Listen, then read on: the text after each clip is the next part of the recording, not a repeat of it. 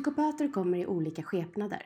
I det här avsnittet ska vi beröra psykopater på jobbet och den här gången handlar det om en kvinna med psykopatiska drag. Jag träffade G för några år sedan då hon just hade avslutat samarbetet med en person som höll på att förstöra hela hennes liv. Här kommer hennes historia. Jag heter J och jag har en dotter på ett år och jag har en sambo. Och ehm, jag har drivit ett hälsoföretag då och även då det jag lärde känna eh, den här kollegan då som jag drev eh, hälsoföretaget med. Och eh, jag träffade henne på ett eh, 30-årskalas. Och hon satt bredvid mig och då presenterade hon hennes affärsidé. Och jag tyckte det lät otroligt spännande, fascinerande och eh, väldigt innovativt. Och jag var väldigt fokuserad på själva affärsidén och inte så mycket egentligen titta på vem hon var. För jag var så exalterad av verksamheten då. Och det hon berättade? Ja, ja, precis. Hon var fängslande hela hon. Ja, precis. Eh, så då, det var så det började. När hur jag kom, kom i kontakt med henne. Så hon tog egentligen kontakt med dig inom, egentligen då, lite grann, nådde ut till dig och sålde in sin idé? Ja. Och sen började ni då jobba ihop eller hur, hur gick det sen då? De... Då så berättade hon idén och hur det fungerade. Och då sa jag, men jag måste se produkten verkligen fungera så jag kan stå för det. Så då åkte vi en tur utomlands där produkten fanns och jag testade, jag tyckte det var fantastiskt. Och då sa jag, okej, okay, men vi, vi kör på det. Och jag hade heltidsjobb då inom finansbranschen. Och hon då, alltså under tiden som det här växte fram, då först var hon alltså, fantastiskt trevlig och så. Men jag tror bland de tidigaste tecken så satt vi i telefon och pratade. Helt plötsligt så skrek hon i telefonen. Mm. Men du lyssnar inte på mig! Jag blev helt chockad. Oj. Och jag tänkte, men gud förlåt, jag eh, gjorde ju inte det. Hon du måste fokusera. Jag tänkte, jaha okej. Okay. Och då, jag, jag, tänker inte på det så mycket. Jag tänker, men, det, men det första jag tänkte på det var mitt eget fel. Och, eh, och hon började pressa mig då. Vi började ta fram affärsplan och jag skulle göra allt. Så jag satt tre jobb, för jag hade ett annat företag ytterligare då. Heltidsjobb på banken och det här med henne. Och hon sa att du skötte allt för svenska marknaden. Så jag, jag satt jag satt jobbade dygnet runt och mådde så dåligt. Och hon pressade mig till, och hon sa hela tiden, du gör inte tillräckligt. Och till slut så eh, ställde hon ultimatum, du måste sluta på banken om jag ska fortsätta göra det här med dig. För du, du har inte tid. Du måste satt 100% på det här. Och du får inte heller jobba med ditt andra företag. Så bara henne då? Bara henne som okay. gällde. Mm. Vad var det som gjorde att du gick med på det då, tror du? För på något sätt också rent logiskt, tre jobb och satsa på ett, en sån affärsverksamhet som kräver men fanns det någon ekonomi då i företaget som du då, i, i ert då, som ni hade startat? Så att du kände ändå att men jag kan strunta i banken, jobbet och det här? Att du... Nej, du skulle ta ett lån. Ja. Och då föreslog hon, om i värsta fall kan du bo hemma hos mig i källaren. Så att det var ju inte att det fanns samma ekonomiska förutsättningar nej. så att du bara kunde gå från banken och då nej. hade det varit bra. Utan, nej. nej. Jag hade mina besparingar men sen så behövde jag ta ett lån för att kunna leva och driva det här samtidigt. Så jag hade enorm ångest. Jag mådde så dåligt minns jag. Jag satt det här konferensrummet och skulle ta ett beslut på banken. Men sen så sa jag, ja, jag gick på magkänslan.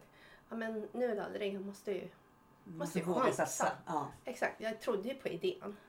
Och eh, någonstans så var det inte, hon var inte helt borta i sitt resonemang. Att jag måste dra ner på någonting. Det är rimligt. Liksom. Ja, man kan ju göra allt, det går ju inte. Nej, precis. precis. Och sen gjorde vi ett upplägg med banken, ta tjänstledig och sen satsa på det Hon går till skogen på ett år. Ja men då kan jag gå tillbaka. Mm. Så det var så det hela började. Men du flyttade aldrig hem till henne i alla fall? Åh oh, gud. Nej, nej. Ja men då hade jag, jag vet inte hur hade mitt liv slutat. Åh oh, herregud.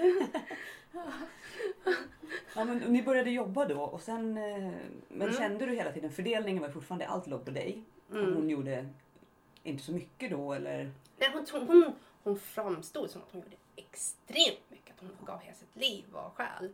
Mm. Och så att jag eh, mådde, fick jämt ständigt dåligt samvete. Mm. Och det hon gjorde som var smart, otroligt fascinerande smart är så varje dag umgicks vi, ska träffas och jobba. Så börjar hon alltid med att alltså inte ge komplimanger, men någon form positivt. Så att jag mådde bra först. Och sen när jag inte var vaksam och på något sätt förs ja, men försvarsställning, då högg hon till det hon ville ha. Att ja, allt från ja, men, olika former av beslut. Eller att hon kunde säga, ja, men vi var på ett, ett möte och så efterhand kommer med Ja, men märkte du hur de andra tittade och reagerade av det du sa? Det där var nog inte så bra. Att du inte är så fokuserad och vaksam. Och jag kände, men gud, gjorde jag så? Gjorde jag bort mig? Och så kunde hon hålla på. Att det skapade osäkerhet inom mig. Så hon liksom, det, det var lite... Skapade grill i mitt huvud. Ja, precis. Så Mm. att hon lyfte upp det och sen så bara drog hon undan Ja. benen för dig Ja. efter. Mm. Mm. Och så var jag så fokuserad på hur dåligt jag presterade, hur, eller hur dåligt samvete jag hade. Så jag, det blev ju inte, men tanken var att kan det vara hon som hittar på? Det tänkte jag inte på. Utan det är ju självklart att man tar det till sig själv då och tänker att ja, men gud, Ja, jag måste göra bättre, jag måste bli bättre, jag Ja, måste exakt. kämpa vidare här. Och Mm. Det klassiska, det är samma teknik. Och jag känner igen det här också att lyfta upp och sen när man är i ett möte någonstans och så får man höra, ja men jag känner precis igen det där, ja men va- varför sa du så där? Och så börjar man tänka själv, ja varför gjorde jag det? Vad Mm. gjorde jag för fel? Exakt. Och just att andra ser saker, att de upplyser om att andra såg ju det här. Ja. Såg du inte att de här andra tittade på dig? Och Det är Ja. väldigt mycket så, jag känner igen exakt det fast Ja. i andra sammanhang. Ja. Det känns som att det är en taktik som de använder. Det är Ja. väldigt obehagligt. Hon skulle åka till sitt hemland och jobba för att få ihop pengar. Då. För hon hade ju inte pengar nog för att investera i företag. Vi skulle gå 50-50. Mm. Så hon behövde göra det, ta ett extra jobb. Jag sa, men okej men gör det. Men då skulle jag själv driva företaget då under tiden. Mhm. Och då så eh, tog en dag, Mm. gick jag ut. Mm. Och då hade hon en kompis som var, jag tyckte hon, hon agerade som spion. Mm. Och berättade till henne, givat ute. Och det blev världens liv. En dag. Ja. Och då tänker jag, jag går då in själv och driver det här. Du åker hem för att du inte har pengar nog satsa. Men jag får hela skulden. Och då också så en incident som var helt galet. Så Det är ju klassiker just att de förstorar upp också Ja. saker väldigt mycket. Gör man någonting en gång då får man höra det i flera år och sen. För att det blir så stort så att Ja. det liksom är helt oproportionerligt till vad egentligen var som hände. Men drog hon inte in din familj också? Jo, ehm, vi, eh, ja, vi, vi, det var ju väldigt knapert ekonomiskt som vi hade. Köpte ju allting själv. Och då så, min bror är ju fantastisk så han, han sa att jag kan komma och hjälpa till. Eh, gratis då. Eh, och han brann också för eh, affärsidén. Så han kom hem till. Och då började han upptäcka och se, men det här är ju en konstig person. Hon håller på och psykar dig. Och då, då började jag få på ögonen att jaha, det kanske inte är bara jag. Och då, det gick så långt att han, han var så, jag hade sett min bror, han är världens snällaste. Men jag har aldrig sett honom skälla ut en person. Alltså det var skrämmande, jag blev nästan skrämd av min egen bror. Han var så arg på henne. Och eh, hon var helt tyst. Och sen så förbjöd han, eller hon, honom att komma till vårt företag. Jag bara, men det är ju min bror. Så han fick inte vara där längre. Och då så, då, men då hade jag börjat bli medveten om lite grann vad som hände. Men jag var så nedbruten mentalt. Så jag var, och sen jobbade jag hela tiden. Det var, ja, jag var helt fast. Jag kom inte ut. Nej, för det är det som kan vara, som jag förstår dig precis, och det är ju du också, det här att man är nedbruten, man är så trött så Ja. man orkar inte tänka klart Nej. heller. Man har också satsat sin själ i om det är så ett förhållande eller om det är så i ett företag. Mm. Och människans natur är ju så att det är svårt att ge upp det då när man är eh, halvvägs eller man är på väg. Hur kände du? Kan du komma ihåg några tankar som du hade under den här tiden? Ja, jag var, jag var totalt miserabelt. Alltså, alltså otroligt deprimerad. Det var ingen, det var ingen glädje. Mm. Ingen alls eh, till slut. För jag... ehm, jag tänkte hur, hur skulle jag ta mig ur det här? Och hela tiden var det ju en förhoppning att ehm, ja, men, någonstans kanske få in några kunder. Och så vänder det. det var ju så, den förhoppningen gick jag ju hela tiden. I och med att vi fick in kunder då, som jag tog in Eh, som då slutade sen när jag hade slutat. Ja. Eh, som alltså det, det var ju det positiva, att det fanns den responsen. Men den ständiga ekonomiska stressen och sen att hon hela tiden stressade mig Mm. i olika saker. Att eh, eh, Allt från att jag inte presterade tillräckligt bra. Och sen så hyrde vi den här hyresvärden som då hon på något sätt fick ihop som om de var eh, gick ihop Mm. och pratade med varandra. Eh, och att jag betedde mig så illa, alltså fick så mycket problem med hyresvärden. Jag var inte totalt, totalt psyk. Vad sa hon att du hade betett dig illa? Hur, har du några exempel? Hur... Eh, ja, allt från hur jag pratade med hyresvärden, vad jag föreslog. Eh, du kan inte prata på det här sättet. Du måste vara mer strategisk. Alltså in och pillade i varenda sak jag gjorde. Eh, du kan inte äta så. Eller allt från eh, vi ska ta in eh, alltså ett hälsoföretag. Man behöver skrivbord, tänkte jag. Mm. Men det är jag som jobbar. Och gjorde allting från, från bokföring till marknadsföring. Och, eh, men hon ville ha en soffa så hon kunde vila. eh, ja, men, jag förstår nivån. Det blir helt fel intryck.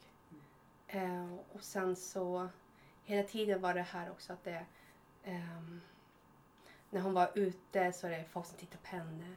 Det är hon som är största fokuset. Eh, och eh, hon är alltid i centrum och höjde sig själv otroligt mycket. Så att det var... Från början trodde jag på att hon sa.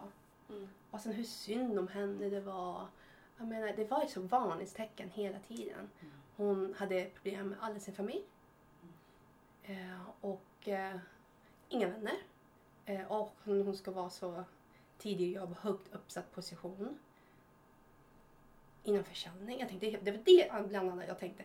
Perfekt person inom försäljning, marknadsföring. Mm. Så kan du hjälpa till. Men hon gjorde inte det. Var det inte så att hon fick eh, till och med dig att släppa upp den här soffan till... Ja, det var min bror. Mm, det Och jag. Mm. Istället för ett skrivbord.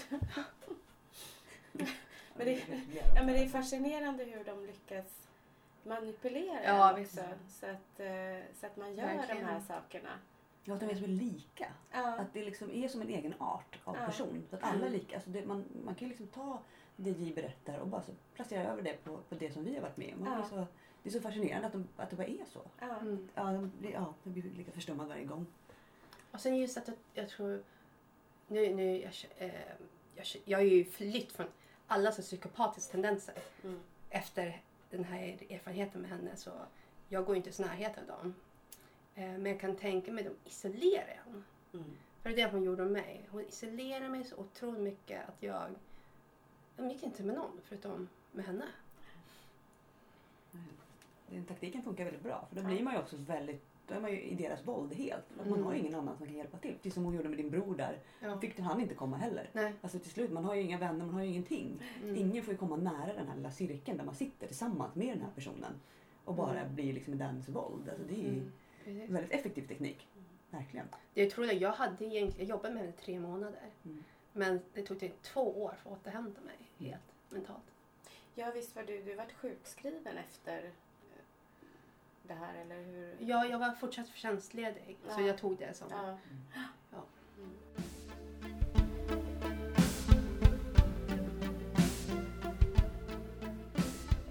Men när du bröt upp från den här personen, hur, Mm. hur gjorde du? Lämnade du bara? Eller vad gjorde du liksom? Alltså det var tack vare en väninna.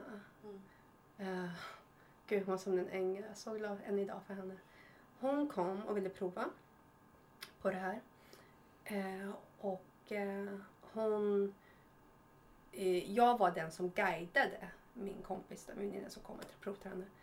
Eh, och, eh, så jag såg inte vad som hände, vad min kollega gjorde. och eh, det visade sig när min väninna var klar då, så gick vi ner så vi skulle ta en fika. Hon sa, så hade hon, en kollegan, där, gjort, när jag gjorde lite, lite små fel, för min, min kompis är väldigt eh, utbildad då, inom hälsa. Jag sa, men eh, om det var någon muskel som hette något speciellt på latin. Så, jag kan ju inte det här. Jag menar, jag höll på också att lära mig. Mm. Då hade hon tittat med, rullat med ögonen och liksom hån, hånskrattat mig i Mm. bakgrunden. Och min kompis sa, men så där gör man ju inte. Och när jag skulle ner till fika, det var någon som jag måste ta be om hennes tillåtelse. Att följa med min väninna ner. Och min väninna var med, du är ju aktieägare. Du är inte någon anställd. Du gör vad du vill Mm. som aktieägare. Och jag bara bröt ihop. Jag bara betonade med den. Alltså jag tänkte, men jag insåg att det var så fel. Att jag inte ens kan ta en paus. Ja, du Utan måste be om lov. Du lovar en lov. Och jag tänkte, Mm. men det här är helt galet. Och då, jag kommer inte ihåg hur samtalet gick med min väninna. Men där och då gick jag upp. Jag tänkte, nu skit i allting. Ursäkta mitt ordspråk nu. Men det var så jag kände mig. Så jag packade upp allt jag hade. Jag tänkte, nu är min chans. Nu ska jag bara bestämma mig. Så jag drog. Mm. Och jag var så livrädd. Eh, att eh, alltså, kontakta min bror. Jag kunde inte öppna hennes mail. Jag tror, jag inte hur många månader. Min bror var tvungen. Jag fick hennes mail. Mm. Jag vidarebefordrade till min bror. Mm. Som han skulle öppna. Eh, och berätta vad. För så fort jag öppnade. Jag är väldigt konstruktiv. Mm. Så jag sa okej, nu. Eh, jag vill inte här längre. Det här funkar inte. Eh, och jag kopplade in en advokat. Vi tar det konstruktivt. Jag avslutade det så smidigt som möjligt. Men så fort hon skrev någonting. Då var det direkt. Ja men hur hemskt person jag var. Hur kunde jag göra så här mot henne? När, alltså, dåliga samvete, hon spelade på mitt dåliga samvete. Mm. Eh, och det var det som jag inte, jag var så känslig att jag ville inte läsa hennes mejl. Nej. Du klarar inte av det. Du mådde Nej. så dåligt. Nej, jag klarar inte av det. Mm. Tyvärr. Känner igen det. Mm. Det kan vara svårt att bara se namnet. Ja. Mm. Men det är helt galet. Jag har aldrig varit med om något liknande. Nej men det är som man blir allergisk, att man får en allergisk chock av att bara Ja. se, Mm, se, eh, se personen eller Ja. höra Ja. det den säger eller någonting. Men det är helt otroligt. För det är det att det är så mycket känslor i varenda mening och de vet ju precis hur de ska vinkla varenda Ja. liten sak de säger så att, för Mm. att det ska träffa. Så att det, det blir verkligen som att de här textraderna blir så verkliga och det är precis som att personen står där och liksom Ja. säger allt det här till dem fysiskt. Mm. De blir så närvarande så det blir så Mm. obehagligt. Det är som att de hoppar ur datorn, ur mailkorgen och bara det är som att gräva i ett öppet sår Ja. liksom, som man behöver läka innan man... Ja, jag är fascinerad än idag hur, hur det kunde gå till. och ändå ganska snabbt. Ja. Ja. Men det här det kändes som ett flera år, om det är tre månader. Mm. Och ehm, jag tror det hon lyckades, hon, hon chockade mig. Alltså, jag resonerar henne som normal person. Mm. Men hon chockade, sak, chockade mig så jag blev oftast stum. Mm. Att, uh, vad var det som hände där? När hon skrek och fick utbrott. eh, Ja, men det kan jag förstå. För att normala människor reagerar ju inte på det sättet. Och är man en hyfsat normal människa och får en Mm. sån reaktion så vet man ju inte hur man ska hantera det heller. Nej. Det blir så overkligt också att, att en sån person kan bete sig på det Ja. sättet. Så man försöker hitta normala strategier för att ta tag i det här. Men det, det finns ju inget normalt med människan så det går liksom inte heller. Det, det blir en rundgång i hjärnan och är man då Mm. utarbetad och, och inte får vila eller vara i fred eller träffa andra människor och få en annan Mm. input, då är man ju verkligen låst. ja, Det, Det blir så mycket svårare. Det är, Ja. ja. verkligen. Men du kom ur det där ändå för att du kände att ni, du kunde lösa det med advokaterna och att det gick? Ja, det tog ju två år. Wow. Herregud, hur Mm. mycket hur vi höll på. Hon sträckte emot och konstant. Mm. Eh, jag tänkte, men jag vill bara få slut på det här. Men samtidigt vill inte jag... För hon, det, det som hände, eh, halva den del som jag investerade i, som jag hade rätt till, tog hon. Hon vägrade ge mig. Och det som hände var att jag polisanmälde henne. För det var ju mitt. Med mina tillgångar. Mm. Eh, men det, ja, polisen gjorde ju ingenting. Och då så skickade jag min, en av mina bästa vänner då, min bror, till företaget. Och sa ni går upp dit och så tar ni bara det tillbaka, det som var mitt. mm. Men då så, tyvärr, hon hade anlitat någon advokat som verkade inte helt seriös tyckte jag. Ehm, och så låste hon in sig Okej. i det här rummet. Ja, men det var är så skrattretande. Mm. Eh, och, eh, ja, och, och hon, var, hon var väl rädd. Hon vet hur min bror är tror jag. Eh, och vägrade öppna dörren. Så du fick, de tog, Nej, kunde aldrig ta nej, tillbaka? Tyvärr. Och det var ju värt väldigt mycket. Ja. eh, det jag hade där. Och det var det jag försökte få ut. Eh, och till slut så fick jag bara en spottstyver. Och jag tänkte, men strunt samma. Jag blir av med henne. Jag behöver inte ha någonting med henne att göra. Så du fick inte tillbaka det du hade investerat egentligen? Nej, nej, nej. Nej. Verkligen inte. Jag har förlorat så mycket på det här företaget. Ja. På alla sätt. Alltså ekonomiskt, mentalt och tid, Mm. Mm. energi och... Dyrbar tid av ens liv liksom. Ja. Mm. Men det är väl också någonting som man har hört från de flesta och från oss också. Jag menar hur mycket... Jag struntar i det till och med. Han lurar mig på massa pengar. Mm. Men det är bara att bli fri. Jag kände, Ja, ja, exakt. det är dra åt helvete pengar. Ja, alltså det var det sista jag tänkte på. Och de polisen kommer ändå inget. alltid anse att det är deras pengar och de har rätt till dem. Ja. Det Ja, ja. Det, alltså, det, du kommer aldrig vinna det Ja, mot men- dem i alla fall. Så man får bara säga, precis som du säger, dra åt helvete pengar. Ja. Ja, men de vänder alltid till att det är ditt fel. Ja. Och det är du som har blåst dem och det är Ja. du som är idioten, det är du som är hemsk, det är du som är vidrig och du är psycho och du är ja, Ja. fruktansvärd som människa. Usch, du är så hemsk. Mm. Ja, och det är så synd om de här människorna som blir drabbade Mm. av de här. Ja. Men det som, ja, det är synd om det- oss. Men det som jag tycker är skönt är ju att, men som vi också har kommit fram till, att många gånger så är det ju inte ensamma eh, ynkliga människor de ger sig på utan det är ju folk som oss som har ett stort Mm. nätverk och egna eh, kunskaper och allting. Det är det de vill ha.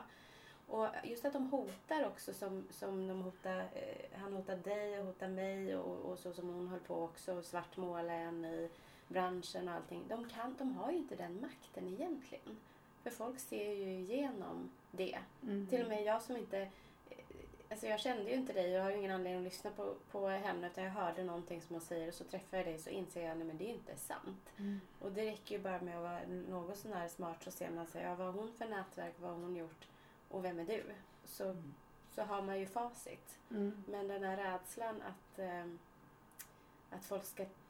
Kände du den att folk ska tro att du inte gör tillräckligt, att det är du som har slarvat eller? Ja, ja, ja, det, jag trodde helt på det. Ja. Det, det var så, det som var galet. Att jag trodde på... Min självbild var helt förstörd. Mm. Jag menar innan, jag tänkte jag är en ganska stark person. Eh, driven och jag är som eh, stark sunt förnuft. Jag skulle aldrig hamna i en sån situation. Nej. Det var det som jag tänkte, men jag var, jag var totalt nedbruten. Så att det är, eh, jag kände inte igen mig själv. Nej. Man blir så överrumplad liksom för att man inte kan tro att det är sant. Ja, det- precis. Mm. Men det är väl lite samma som för dig. För du ändå liksom tyckte Mm. att men jag är ändå så pass, jag är en vuxen kvinna, jag Ja. jobbar hårt, jag är chef och jag är hit och dit och så träffar du en sån här och så bara Och så blir man ett mähä. ja och blir en helt annan person Ja, nästan. Ja, Mm. Att precis. de lyckas bryta ner under så kort tid ändå. Det är ju väldigt intressant. Ja. De är väldigt duktiga den här människor. Mm. Otroligt duktiga. Ja, verkligen. Och jag sitter och tänker på ehm, de som sitter i fast i sådana relationer Mm. flera år. Ja, Maria var ju 11 år med. Ja, ja. Alltså det är så lång tid. Till slut är man ju, man blir som en zombie. Så man tänker inte på att åren går. Det är det som är så läskigt när man tänker tillbaka på tiden. Att man har inga minnen direkt från olika år utan det är bara en soppa. För att det blir ju som ett stort, en stor dimma. Att 11 år bara liksom blir en liten, liten geggamoja bara. Men hur kom du ur? Träffade han som sitter där ute. Christian. Jaha, man behöver ju... Det är det. Det Man, man, klarar klar, inte man klarar inte själv. Det är jättesvårt. Ja. Det är otroligt svårt att göra det själv. Ja. Det, antingen ska det hända någonting som gör att man blir så riktigt, riktigt arg. Mm. Att man hittar någon slags inre monster. Men oftast är man ju så trött. Så jag var, det var ju en kombination att jag var så trött och jag orkade liksom inte bry mig till slut. Det var så här, han kommer kanske att döda mig. Men jag orkar inte bry mig om det. Mm. Det får vara. Det får hända. Och sen var jag samtidigt jättekär i den här, den här människan som sitter där Mm. ute. Och då kände jag så här att okej, men här, vad har jag här nu? Jag har kärlek som jag kanske kan verkligen göra någonting med. Mm. Eller så dör jag. Men det är, så här, ah, det är bättre än det här andra i mitten. Ja. Det här skiten. Så att någonstans så tar man det beslutet lite och bara chansar. Och vissa kvinnor överlever ju inte heller en relation. De blir ju dödade av de här jävla dårarna. Mm. Eh, vissa kvinnor kan döda sina män också, absolut. Men det är oftast är det ju tyvärr. Så att de inte överlever. Mm. Eh, och i, i ditt fall var det väl mer också den här, nej men nu jävlar, du hade lite semester och hittade någon form av kraft. Jag jag. blev utvilad Ja. eh, och såg till att bli utvilad och så blev jag helt galen. Mm. Jag kände så här, nu blir jag galnare än vad du blir. Nu jävlar ska du få se. Mm. och det var men du hann sova några bra nätter Ja. och bara så här, vänta nu. Ja, nej, men jag blev ju, och jag blev ju rädd för mig själv. För jag tänkte, jag... Ja, jag ska inte säga det i podcasten. Men, men, men jag tror också att jag hade drivkraften för min dotter. Mm. Alltså, Mm, det- och där finns så mycket kraft. Ja, precis. Ja, och, och där, kärleken till henne är ju så stark så det finns ju inte. Och, Hon hamnade ändå i ett lite utsatt läge med den här hon gjorde ju det och, och jag kommer ju alltid, alltid välja henne före Mm. alla andra i hela världen. Så att, att han försökte någonstans så split mellan oss, eller jag, det, det var ju bara bra att Mm. han gjorde det. För att där kommer han liksom Mm. inte in. Det var, det var felet han gjorde egentligen. Ja, han det- försökte det- komma mellan dig och Det var det felet Mm. han gjorde. För att hade han, hade han inte gjort det så hade han kanske lyckats längre. Men Mm. eh, försök aldrig... Försök aldrig Mess with my child. Nej, för då Verkligen. jävlar. Ja, ja. Så att det, jo men visst kan det, man, och det är också att ha en annan person som hjälper en. Och där var ju Mm. kärleken till mitt barn som gjorde att jag Mm. eh, kunde, liksom, eh, såg till att hitta styrkan där. Så, Att oftast räcker det inte med en själv. nej. Man, Nej, har det gör inte Man det. tappar ju det helt. Man blir ju ingenting. nej men man blir ju ingenting man vet ju inte vem man är till Nej. slut heller. Mm. Liksom, så att det, ja, ja. Någon form av, det måste komma någon form av kontrast tror jag. ja Mm. För att eh, man ska vakna upp. mm. Men har hon hört av sig till dig nu någonting eller har du fått vara i fred? Jag tänker efter det här med rätt, eller med väl Ja, rättegång, men efter allt. så fort det löste sig juridiskt så har jag fått vara i fred. Mm.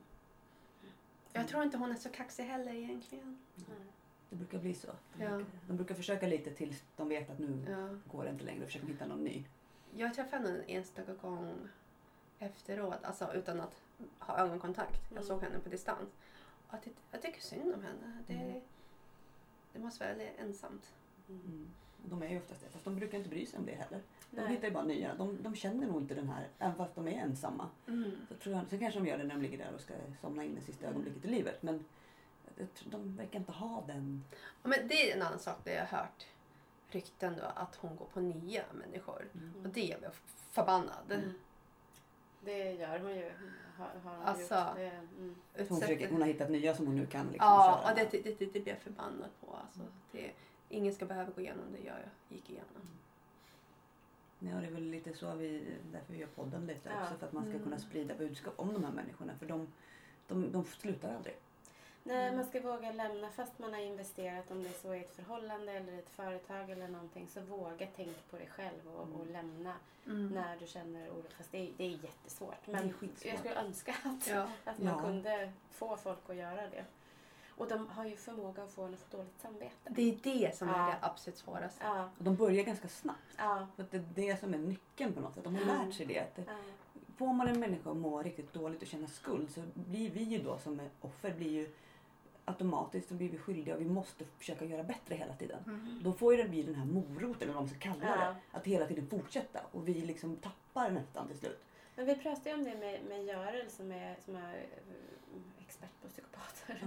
med spegelneuroner. Att eh, om jag sitter här och blir ledsen så känner du med mig och, och, och tänker ja men eh, gud hon är ju ledsen, hon mår ju dåligt. Psykopater har inte det där, troligtvis tror de. Så att de kan ju sitta och, och vara jätteledsna och sen så vet de att de spelar an på någonting hos den andra personen som gör att vi får empati. Men de har ju inte det så de kan ju för han var ju ett offer också. Ja, oj, oj, vad det var synd om honom. Så, och då tyckte jag ju lite synd om honom då. Mm. Eh, fast han hade ju inte de känslorna. Jag tror, han tycker ju inte synd om sig själv på ett sätt. Han gör nog inte det. Men han vill, han vill måla upp bilden av Ja. att det är så synd. För då märker han att den han säger det till känner ju med honom och tänker men gud nu måste jag hjälpa den här människan. Det är ju för, han mår ju riktigt dåligt. Ja. Men att han själv inte... Så jag tror att de, de, de, är ju, de, kan ju, de kan ju känslor. Mm. De är ju duktiga på känslor. Ja, ja, ja. Men de har inte riktigt dem i sig själva på det sättet. Utan de kan nog liksom bara kalibrera ja, Mm. så att de får ut det de behöver av en människa med hjälp Mm. av känslor. De är obehagliga. För jag tänker på när hon höll på att manipulera dig så var det ju, så hon lyfte dig och sen så sänkte hon dig. Mm. Och var det så, det jag vet ju inte, jag bara frågar, men var det så om, om, om, om hon blev, att hon körde det känslomässiga också, att hon mådde dåligt? Ja, ja, det var det jag reagerade på det du sa Maria. Att eh, hon, det är egentligen två kombinationer som gör att det blir så otroligt farligt och hur man blir nedbruten. Eh, dels spela på ens dåliga samvete, som hon gjort med mig. Men också eh, tycka, alltså berätta saker som, eh, som gjorde att jag tyckte synd om henne. Mm. Att man ville hjälpa henne. Mm. Alltså, bara, jo, det min bror tjatade på mig då var att jag ursäktade henne Mm. hela tiden. Men hon har ju en dålig uppväxt. Hon har ju ingen familj. Och hon har ju tufft ekonomiskt. Hon, ja. Han hade ju jättedålig uppväxt. Han hade ingen familj heller. Nej. Alla är döda och det är Ja. bara är- ja. Ja. Nej, men det, det verkar vara... För då vet de ju också Mm. att vi har ju hjärta. Mm. Och då Ja. vill man ju liksom, men gud, då tänker man att det kanske är därför han eller hon skriker och det kanske är därför ja, de gör så här. Mm, Och så ja. blir det liksom att man, det, det är är okej. okej. lite. Mm. Ja. Jag har det ändå så bra så jag kan ju stå ut med det. Ja, precis. Jag kan ju vara stor och hjälpa den här personen för att jag, jag klarar ju det. Liksom. Mm. Ja. Ja. Men hur känner du idag? då? Känner du så här, men nu har du hittat tillbaka till dig själv? Ja, Känner ja. du så här, nu är jag, nu är jag, jag är tillbaka? Ja, ja, absolut. Då är jag Alltså, igen. Hon eller någon annan, ingen rör mig Mm. på något sätt. Nu är du stark som tusan. Ja, ja, alltså Jag känner, det minsta lilla tendenser av psykopatiska drag, eh, det, alltså jag ser det direkt. Du har radarn inne nu. Liksom. Ja, ja, ja. Mm. Alltså nu, så fort jag använder det så här, det är psykopatiskt drag, det är så här, bort, bort från mitt liv. Och det, det är på något sätt gåvan i det här. Mm. Men jag tänker, har du några tips sådär till dem, om man säger de som träffar den här typen av kvinnliga psykopater. Nu är kvinnliga män ganska lika, men just i den här Ja. typen av situation. Om vi ser en jobbrelation så här. Mm. Har du något tips till dem? Eh, saker de kanske, hur de, hur de ska attackera de här människorna eller ta sig an dem. Liksom. Hur ska man göra för att ta sig därifrån lite och hantera dem? Alltså någonstans första steget måste jag förstå att man är där. Eh, för annars vet man inte att det finns ett problem. Och det är väl det svåraste att veta man har en sån situation. Men därefter våga, våga prata med, med människor runt omkring som man har mycket längre förtroende. Alltså närmaste familj, bästa vänner som har haft eh, många år som man har bra förtroende för. Tror jag. För det var det jag gjorde. Jag gjorde misstaget. Jag var isolerad. Alltså jag, jag skämdes ju. Mm. Någonstans innerst inne gjorde jag det. För jag hamnade i en sån situation. Ehm, och få, få perspektiv. Eh, du vet ju själv om du mår dåligt eller inte. Mm. Mår man dåligt, prata Mm. med andra. Mm. Det, det tror jag ju. Alltså, och det var ju det jag gjorde. Jag gjorde det. Jag pratade med min bror och det hjälpte ju. Mm. Annars hade jag, ja, men då hade, jag vet inte, jag hamnade på sjukhus tror jag på något Mm. sätt Mm. till slut. För det är det som någonstans som känns som viktigast nästan, att våga prata och Ja. verkligen liksom ta bort skammen från en själv. För man Mm. skäms och man har så mycket känslor och tankar om sig själv. Ja. Man trycker ner sig själv och hjälper till. Ja. Hjälper den här människan, man gör halva den personens jobb också. Mm. Det är det som är så hemskt. Så därför måste Hitta man liksom få lite. Ja. Mm. perspektiv och Ja. verkligen få någon, annan, få- få någon sund människas åsikt på den här. Lite som Mm. de så som din kompis där som bara, men det här, Mm. nu vänta nu, nu har du frågat om lov, vi ska gå och fika och du äger halva företaget. Mm. Vad fan är grejen? Mm. Ja, Och så många kom till mig och var så här, alltså nu har du stått och jobbat hela dagen och du står här och gör hans sallad och han står och skäller på dig och du bara tar den här tallriken och bara gör det som en liten slav och du bara hoppar och studsar och springer och hämtar hans grejer och du sliter och, och, och liksom och han bara sitter där på sin röv och gör ingenting och du bara tar allt. Och det är så här, ja, ja, men det är ju ett, flera händelser. Till slut så bara är man där Mm. och är som en liten soldat och bara ja, nu kör vi. Så det, ja, Ja, men det är väl det är precis som du säger också med skammen att man, man ska inte skämmas för det. Ja. Men det gör man ju. Det är det som är... Och särskilt eftersom det oftast är ganska starka personer de går på Mm. så kan man kanske tycka att det är ännu mer pinsamt att... Men Någonstans måste det ju vara så. Ja.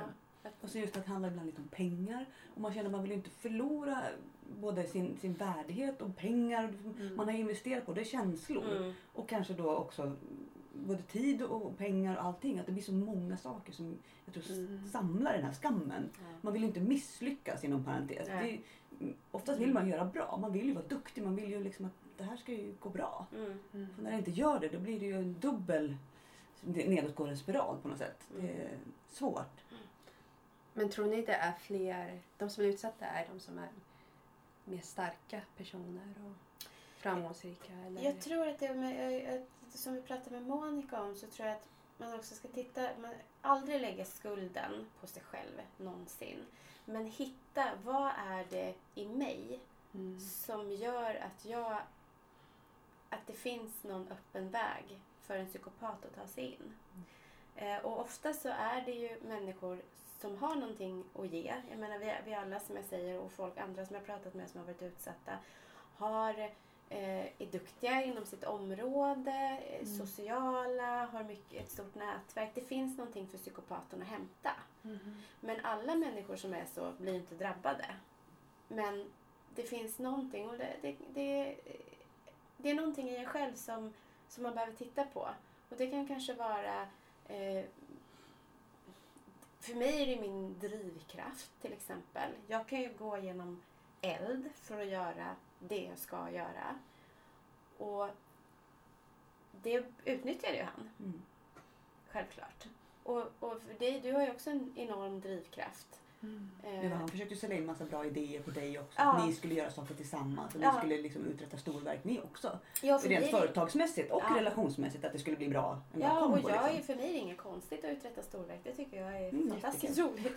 Men att då bli, bli utnyttjad för det och att fortsätta då. Att inte bara säga stopp, stopp, hallå, det är faktiskt bara jag som jobbar här nu. Mm. Utan ändå fortsätta för att man är så jävla van vid att, eh, att streta på även i motgångar och inte sätta stopp för sig själv där. Så, så det är väl det enda man kan liksom skydda sig. Som du säger nu, du ser, du ser liksom tecknen direkt. Du, du går inte dit överhuvudtaget. Nej, nej, nej. För den dörren är stängd. Mm. Och man ska ju aldrig säga aldrig, men jag känner det likadant. Men jag ska aldrig säga aldrig i alla fall, för man vet aldrig vad som Exakt. kan hända. Men jag, jag, ehm, jag är mycket mer rädd om mig själv. Mm. Mycket, mycket mer rädd om mig själv nu.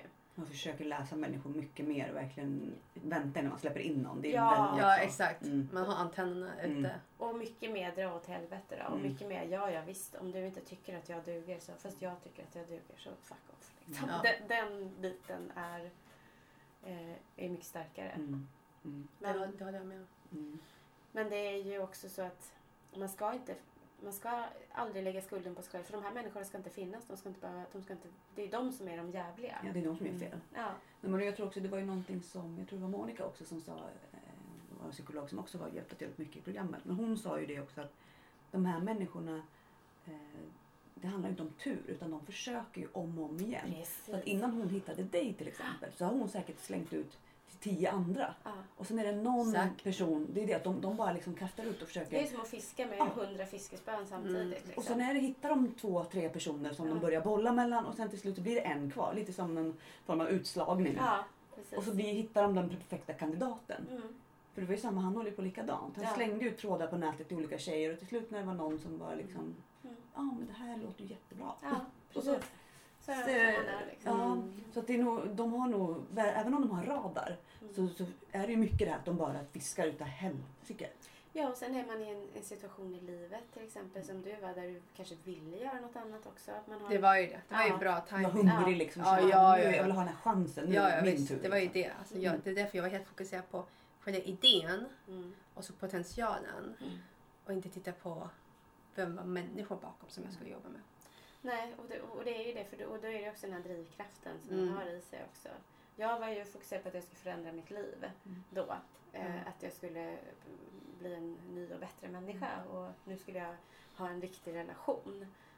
Mm. Och det var egentligen inte, utan det var ju mera, ja men som, som alla hade sagt, men det är dags för dig och du vet så. Och sen så bara, jo En men nu, nu ska jag göra det. Och sen så bara, ja. Mm. Nej, Nej, men det är, de hittar en när man är i rätt läge. Oftast Ja. när man ska igenom någon typ av förändring, när man vill någonting annat. Ja. Mm. Eller är i en situation som kanske är ännu sämre. Mm. Då kan de plocka upp en ur den Ja. situationen och så, så gör de det lite bättre i början och sen så blir det kaos igen. ja, precis. Och så har de fått över den. Så att Man har bara bytt fängelse egentligen. Ja. Så det är, Jag tror när de håller på så och bara slänger ut till allt och alla. Det är nog väldigt svårt för de flesta Mm. att förstå Ja. vad det är för person de har att göra med. Ja, ja, det är ju jätte... Och det är, all litteratur och allting jag läst så är det ju så här, det, det, efter, om du inte är psykopat så finns det ingen möjlighet för dig att se igenom det från Nej. början.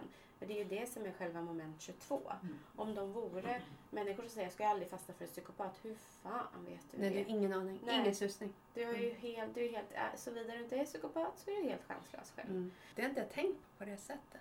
Det är ju, och där märkte man ju också i relationen där jag också var, som Linda också har tyvärr varit samma. Men att många av de här människorna som, eh, som han då ansåg vara dåliga människor var ju oftast människor som ifrågasatte honom. Mm. Eh, och det var ju också den typen av personer. Många av dem var ju väldigt starka i sin åsikt märkte jag. De var väldigt tydliga och klara med vad de tyckte och tänkte och sa ganska öppet vad de tyckte och tänkte. Och det var ju människor som för honom var ganska svåra att, att få dem att ändra åsikt. Ja. För de var så tydliga. Och då var de direkt bortsållade. De fick vi inte umgås med. Och de här människorna har jag ju pratat med efter den här eh, relationen tog slut. Och jag har ju sett och liksom umgås med dem och liksom, de är jättehärliga. Men de är så jävla tydliga. Jag har ju ett väldigt blandat umgänge. Väldigt, väldigt blandat. Det är liksom... Ja, alltså jag tycker om mä- människorna och Mm. inte vad de gör. Mm. Det struntar jag i. Och då fanns det vissa som, som för honom var helt ointressanta. Sen var det ju andra, jag vet vi var på någon fest med ganska framgångsrika skådespelare och lite så här, oj vad han låg på då. Då skulle han ju, för där hade han ju någonting, där ville han ju glänsa.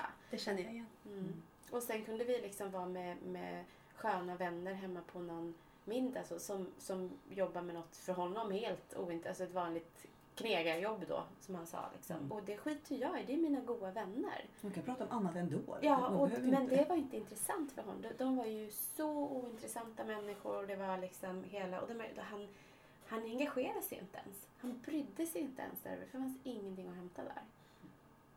Det är inte värt. Slösar Nej. hans tid. Nej. Och det är ju för att han inte, de, de ser inte människor. Ja, men allting för dem är ju ett spel och är, de ska vinna någonting i Ja. varje liksom, situation och allting de investerar sin tid i ska vara någonting de kan få någonting av. Så det känns som att de är så välplanerade i varenda liten grej. Ja, och sen så på mig så här, men varför umgås du med de där människorna? Ja, Men så, vänner, jag tycker om de människorna. Jag, jag gillar dem. Ja, men vad har de liksom, han sa väl aldrig vad har de att ge dig, men underförstått så var det ju så här, för att han kunde inte förstå det sociala samvaron att bara tycka om en människa för den människan den är och Mm. inte för det den gör. Det finns ju inte i hans värld. Liksom. Och där vet jag ju, det, ja, hon var väl ganska imponerad av kändisar och så också. vad. Otroligt! Ja. Oj, oj, oj. Det var... Eh, hon blev som en annan människa. Så fort det handlar om kändisskap eh, eller någon form av celebritet. Mm. Då var det ju... Alltså, det var ju jag önskar jag kunde visa bilder på något sätt. Eh, men hon, hon förhöjde sig på sig själv på något sätt. Mm. Och la till sig en aura som hon var en drottning och, eh, och styrde och ställde. Och jag skulle vara någon form av betjänt. Och bakgrunden bara. Ja, det var Perfekt det var komisk, Mm. komisk att se. Och sen när det kom ja, men, vanliga personer som inte... Ja, men då fnös hon nästan. Mm. Mm. Det, Det var inte de viktiga liksom. nej, så elak. Mm. Det tycker jag. Mm. Mm. Hur man kan behandla. Men det verkar så många. Nu när jag, jag börjar se många tendenser på människor med de här dragen. Och det, det är ganska många. Vissa framgångsrika människor har ju många liknande drag. Sen kan ju en del vara lite mer empatiska. Mm. Mm. Men fortfarande ha lite den här armbågsmentaliteten och fortfarande samma strategier. Men de kan fortfarande ha empati så att de kan ändå vara härliga att umgås med. Mm. Mm. Men vissa har ju inte empatin och då är de ju liksom en gränsland halvvägs mot psykopati. Liksom. Så, att- Mm. så det tror jag nog att många av dem som är väldigt hungriga och väldigt framåt, de har ju Mm. vissa drag. Mm. Men sen som sagt är det de där Mm. procenten som då inte har, Som inte har känslor. nej, Ja. som inte kan verkligen sätta sig in i att man kan Men- gilla andra Men jag människor. tror ett tecken som man kan titta efter det är uh, har personer vänner? Mm. Eller hur? Mm.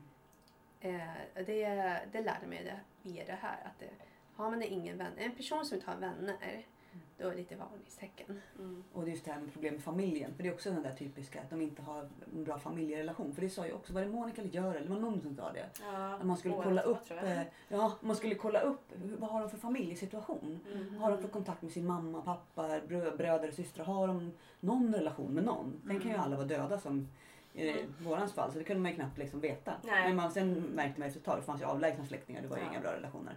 Eh, men Och, och att det inte finns så mycket historik på något sätt i den formen av liksom, relationer. Att de har dåliga, de har kanske inte haft någon partner eller mycket det gör slut och blir tillsammans. Att det bara är fel på de andra. Och mycket de där. Så att vänner, familj och tidigare relationer ska man Ja. liksom, det är en sån här eh, jag tror det är väldigt, det är väldigt Det bra är snabbcheck. Ja, Snabbcheck Mm. som man kan göra. ja, det, det tycker jag verkligen vi ska flagga lite extra för. Ja, faktiskt. Ja. Och innan, innan du går in i en relation eller en affärsrelation eller vad det än är för någonting så är det bra att lära känna människan. Ja. runt omkring. Mm. Ja. Och inte ha så bråttom. För det verkar ju Ja. vara någonting. För att de, det går väldigt De snabbt. får en att, få De hetsar bråttom. fram Ja, och be andra personer träffa andra personer. Mm. ja. Det, det De tror jag. second opinion, lite som hos Ja, läkaren. för efterhand som jag, jag presenterade henne för mina vänner och så i olika sammanhang. Efterhand sa de, ja men det var någonting väldigt konstigt med henne. Mm. Vissa kan ibland inte sätta fingret på det heller. Men, Nej. ja. Och jag tänkte, varför sa ni? Nej men det är också någonting som man nog ska säga till omvärlden tänker jag. För det fick jag höra, det har jag ju sagt förut också, att, att på min arbetsplats och sådär så var det så, ja, men många människor som nej, men tyckte inte men så, så tänkte jag, men du har ju så gott omdöme så vi vill ju inte, vi vill ju inte såra dig. Och jag har sagt så här, du nästa gång om det händer, såra mig. Gör det. Exakt, ja, Ja. verkligen. Ja, Mm. för att jag vill hellre höra Mm. att det är någon, för då kan jag också ta ett steg tillbaka då och bara så här, mm, Mm. eh, inte, eh, inte gå på egokänslan utan, utan tänka så här, ja, försöka sätta, liksom, få lite distans till det och se. Mm. Eh, så, varför skulle den här människan säga så? Om Ja. Mm. Det var det som det var så bra. Hon, väninnan som räddade mig, Mm. var ju finska. ja. Alltså, det fanns ju ingenting som hon inte vågade säga. Alltså det kom ut direkt, Ja. rakt på Ja. sak. No det var bullshit. Ja. Ja, för de andra vännerna hade nog inte kanske sagt De hade resonerat som dina vänner Ja. Att ja, men, du är så gott omdöme, jag vill inte såra dig. Men hon, bara, nej, så här är det. Mm. Och det var din räddning. Ja, Så att man behöver Verkligen. kanske att alla där ute som lyssnar tycker jag verkligen våga säga någonting om Ja. ni har någon. Ja. ni Sen en kan den personen så- kanske känna att nej, men jag vill inte lyssna på dig. Men säg bara, i alla fall säg något. Mm. För det har man ju märkt många. Så bara, men, ja, jag vågar inte säga något. Men, så, här, men gör det bara. Ja. Var som din väninna Ja. där och bara. ja men hellre ha fel. Ja. Ja. Hellre ha fel och så får man säga jag är hemskt ledsen. Jag hade fel. Mm. I'm sorry. Eh, för det är ändå en, en god anledning. Ja, ja visst. Det är inte att man vill förstöra utan det är... Mm. Nej, och då tar man ju vänner som man litar på, som man har haft länge runt Mm. omkring som kan säga någonting. Man kan ju också be dem Mm. om man känner... lite osäker. Ja, precis. Och det kan, man har ett par stycken man kan fråga. Mm. Så att man, Mm. ibland kan det vara någon vän som är inte alls Ja. har några tentakler ute. Att man behöver ha någon vän som är lite Ja. mera tuff. Mm. Eh, att man verkligen vågar fråga Ja, flera. och skäms inte. För jag tänkte, tog mig lång tid innan jag började berätta för mina, nära, mina närmsta vänner. Utöver min bror. Mm. Eh, Nu jag tänker efter, jag, jag, var, jag skämdes. Ja. Sk- Så att skäms inte för guds skull. Nej, för det är inte du som har gjort fel. Nej. Det är den här personen som har gjort fel. Ja. det är också jätteviktigt. Eh, bort med skäms, Mm. skämsstämpeln. För skammen är inte din att bära. Det är Nej. liksom Nej. det här jag brukar... Ja, men jag skämdes totalt. Alltså jag var inte så medveten för jag var så, så trött. Eh, men att jag förlorade så mycket pengar och sen upp från jobbet. Eh, och jag skämdes inför jobbet också. Att jag inte hade lyckats. För det var ju en bra idé. Varför Mm. lyckades inte jag? Mm. Eh, så eh, ja, den, den, den är utmanande. Ja, det är ju i dig också och i oss eh, det här att vi ja, lyckas. Att, att man vill göra det också, att man har den här drivkraften och den snor de ju utav. Ja. De tar ju den. Så det, eh, och, det kan jag också relatera Det tycker jag är så fel i Sverige att man inte får misslyckas också. Vi, om jag tänker, pratar om företagande och Mm. sådana saker. Mm. Att det ska vara så stort. Du behöver ju det är, väl, det är väl väldigt sällan som någonting man gör bara går spikrakt menar jättebra. Ingen. Nej, Nej. alltså alla Man entreprenörer som finns där, de har ju tusentals konkurser bakom sig. Ja, Ja. men typ, nej, det är Ja. Ja, men det är Ja. många misslyckanden. Ja, Och pengar som bara har förlorats. Så det är ju, folk runt omkring verkar nästan ha någon illusion om att det bara går bra. ja. De bara kom på något så här, bara löste det sig. ja, men jag tror fler skulle berätta om, och det börjar väl komma lite nu, att man berättar om sina misslyckanden. Mm. Framgångsrika människor som faktiskt bara säger så, ja fast de nio första företagen, förstår du, de gick i konken. Och då vet man Ja, det, det tog nio stycken innan Ja. det blev bra. Ja. Precis. Ja. Och, och, det här, och det lärde jag mig på av, det här och det lärde jag mig också. Exakt. För, Mm. för det är den här rädslan för misslyckande och, och att folk... ehm, kanske kan vara lite, eh, ja, ja det visste man ju, för lite jantelagen. Det är tyvärr. Ja, Mm. Så att eh, det får vi också framföra Mm. Till alla drivna människor där ute. Att Mm. man får misslyckas och man kan lyckas igen. Mm. Verkligen. Det är inte kört. Nej. Bara för det. Nej. Precis. Särskilt om du träffar en psykopat, då kan du inte lyckas. Det Nej men det går inte. Nej. Nej, du måste bara skrapa upp det själv och gå vidare. Ja, precis. Men mycket starkare. Ja. Mycket, mycket starkare. Också. Mm. Vi får bli konsulter inom psykopati. Ja, jag tror det. Jag ska den här boken. Psykopatkonsult. Ja. Jag måste väl avsluta med, för jag tycker det här var ett jättebra samtal. Superbra. Ja, jag är så tacksam för att vara här. Ja. Nej, jag tror jag... Um, vi täckte allt faktiskt. Ja, vi har ganska mycket bra tips. Så att det kan vi Ja. också liksom, plocka ut. Precis. Det Ja. tycker jag känns jättebra. Mm. Och de här klassiska eh, erfarenheter, exempel man kan råka ut för. Det, det råkar jag ut för. Och, och det fick vi med också. Mm. Mm. Mm, jättebra. Absolut. Tack snälla. Ja. Tack för att du kom hit. Vill ni veta mer om avsnitten och våra gäster så följ oss gärna på Facebook och Instagram där ni hittar oss som Psykopatpodden.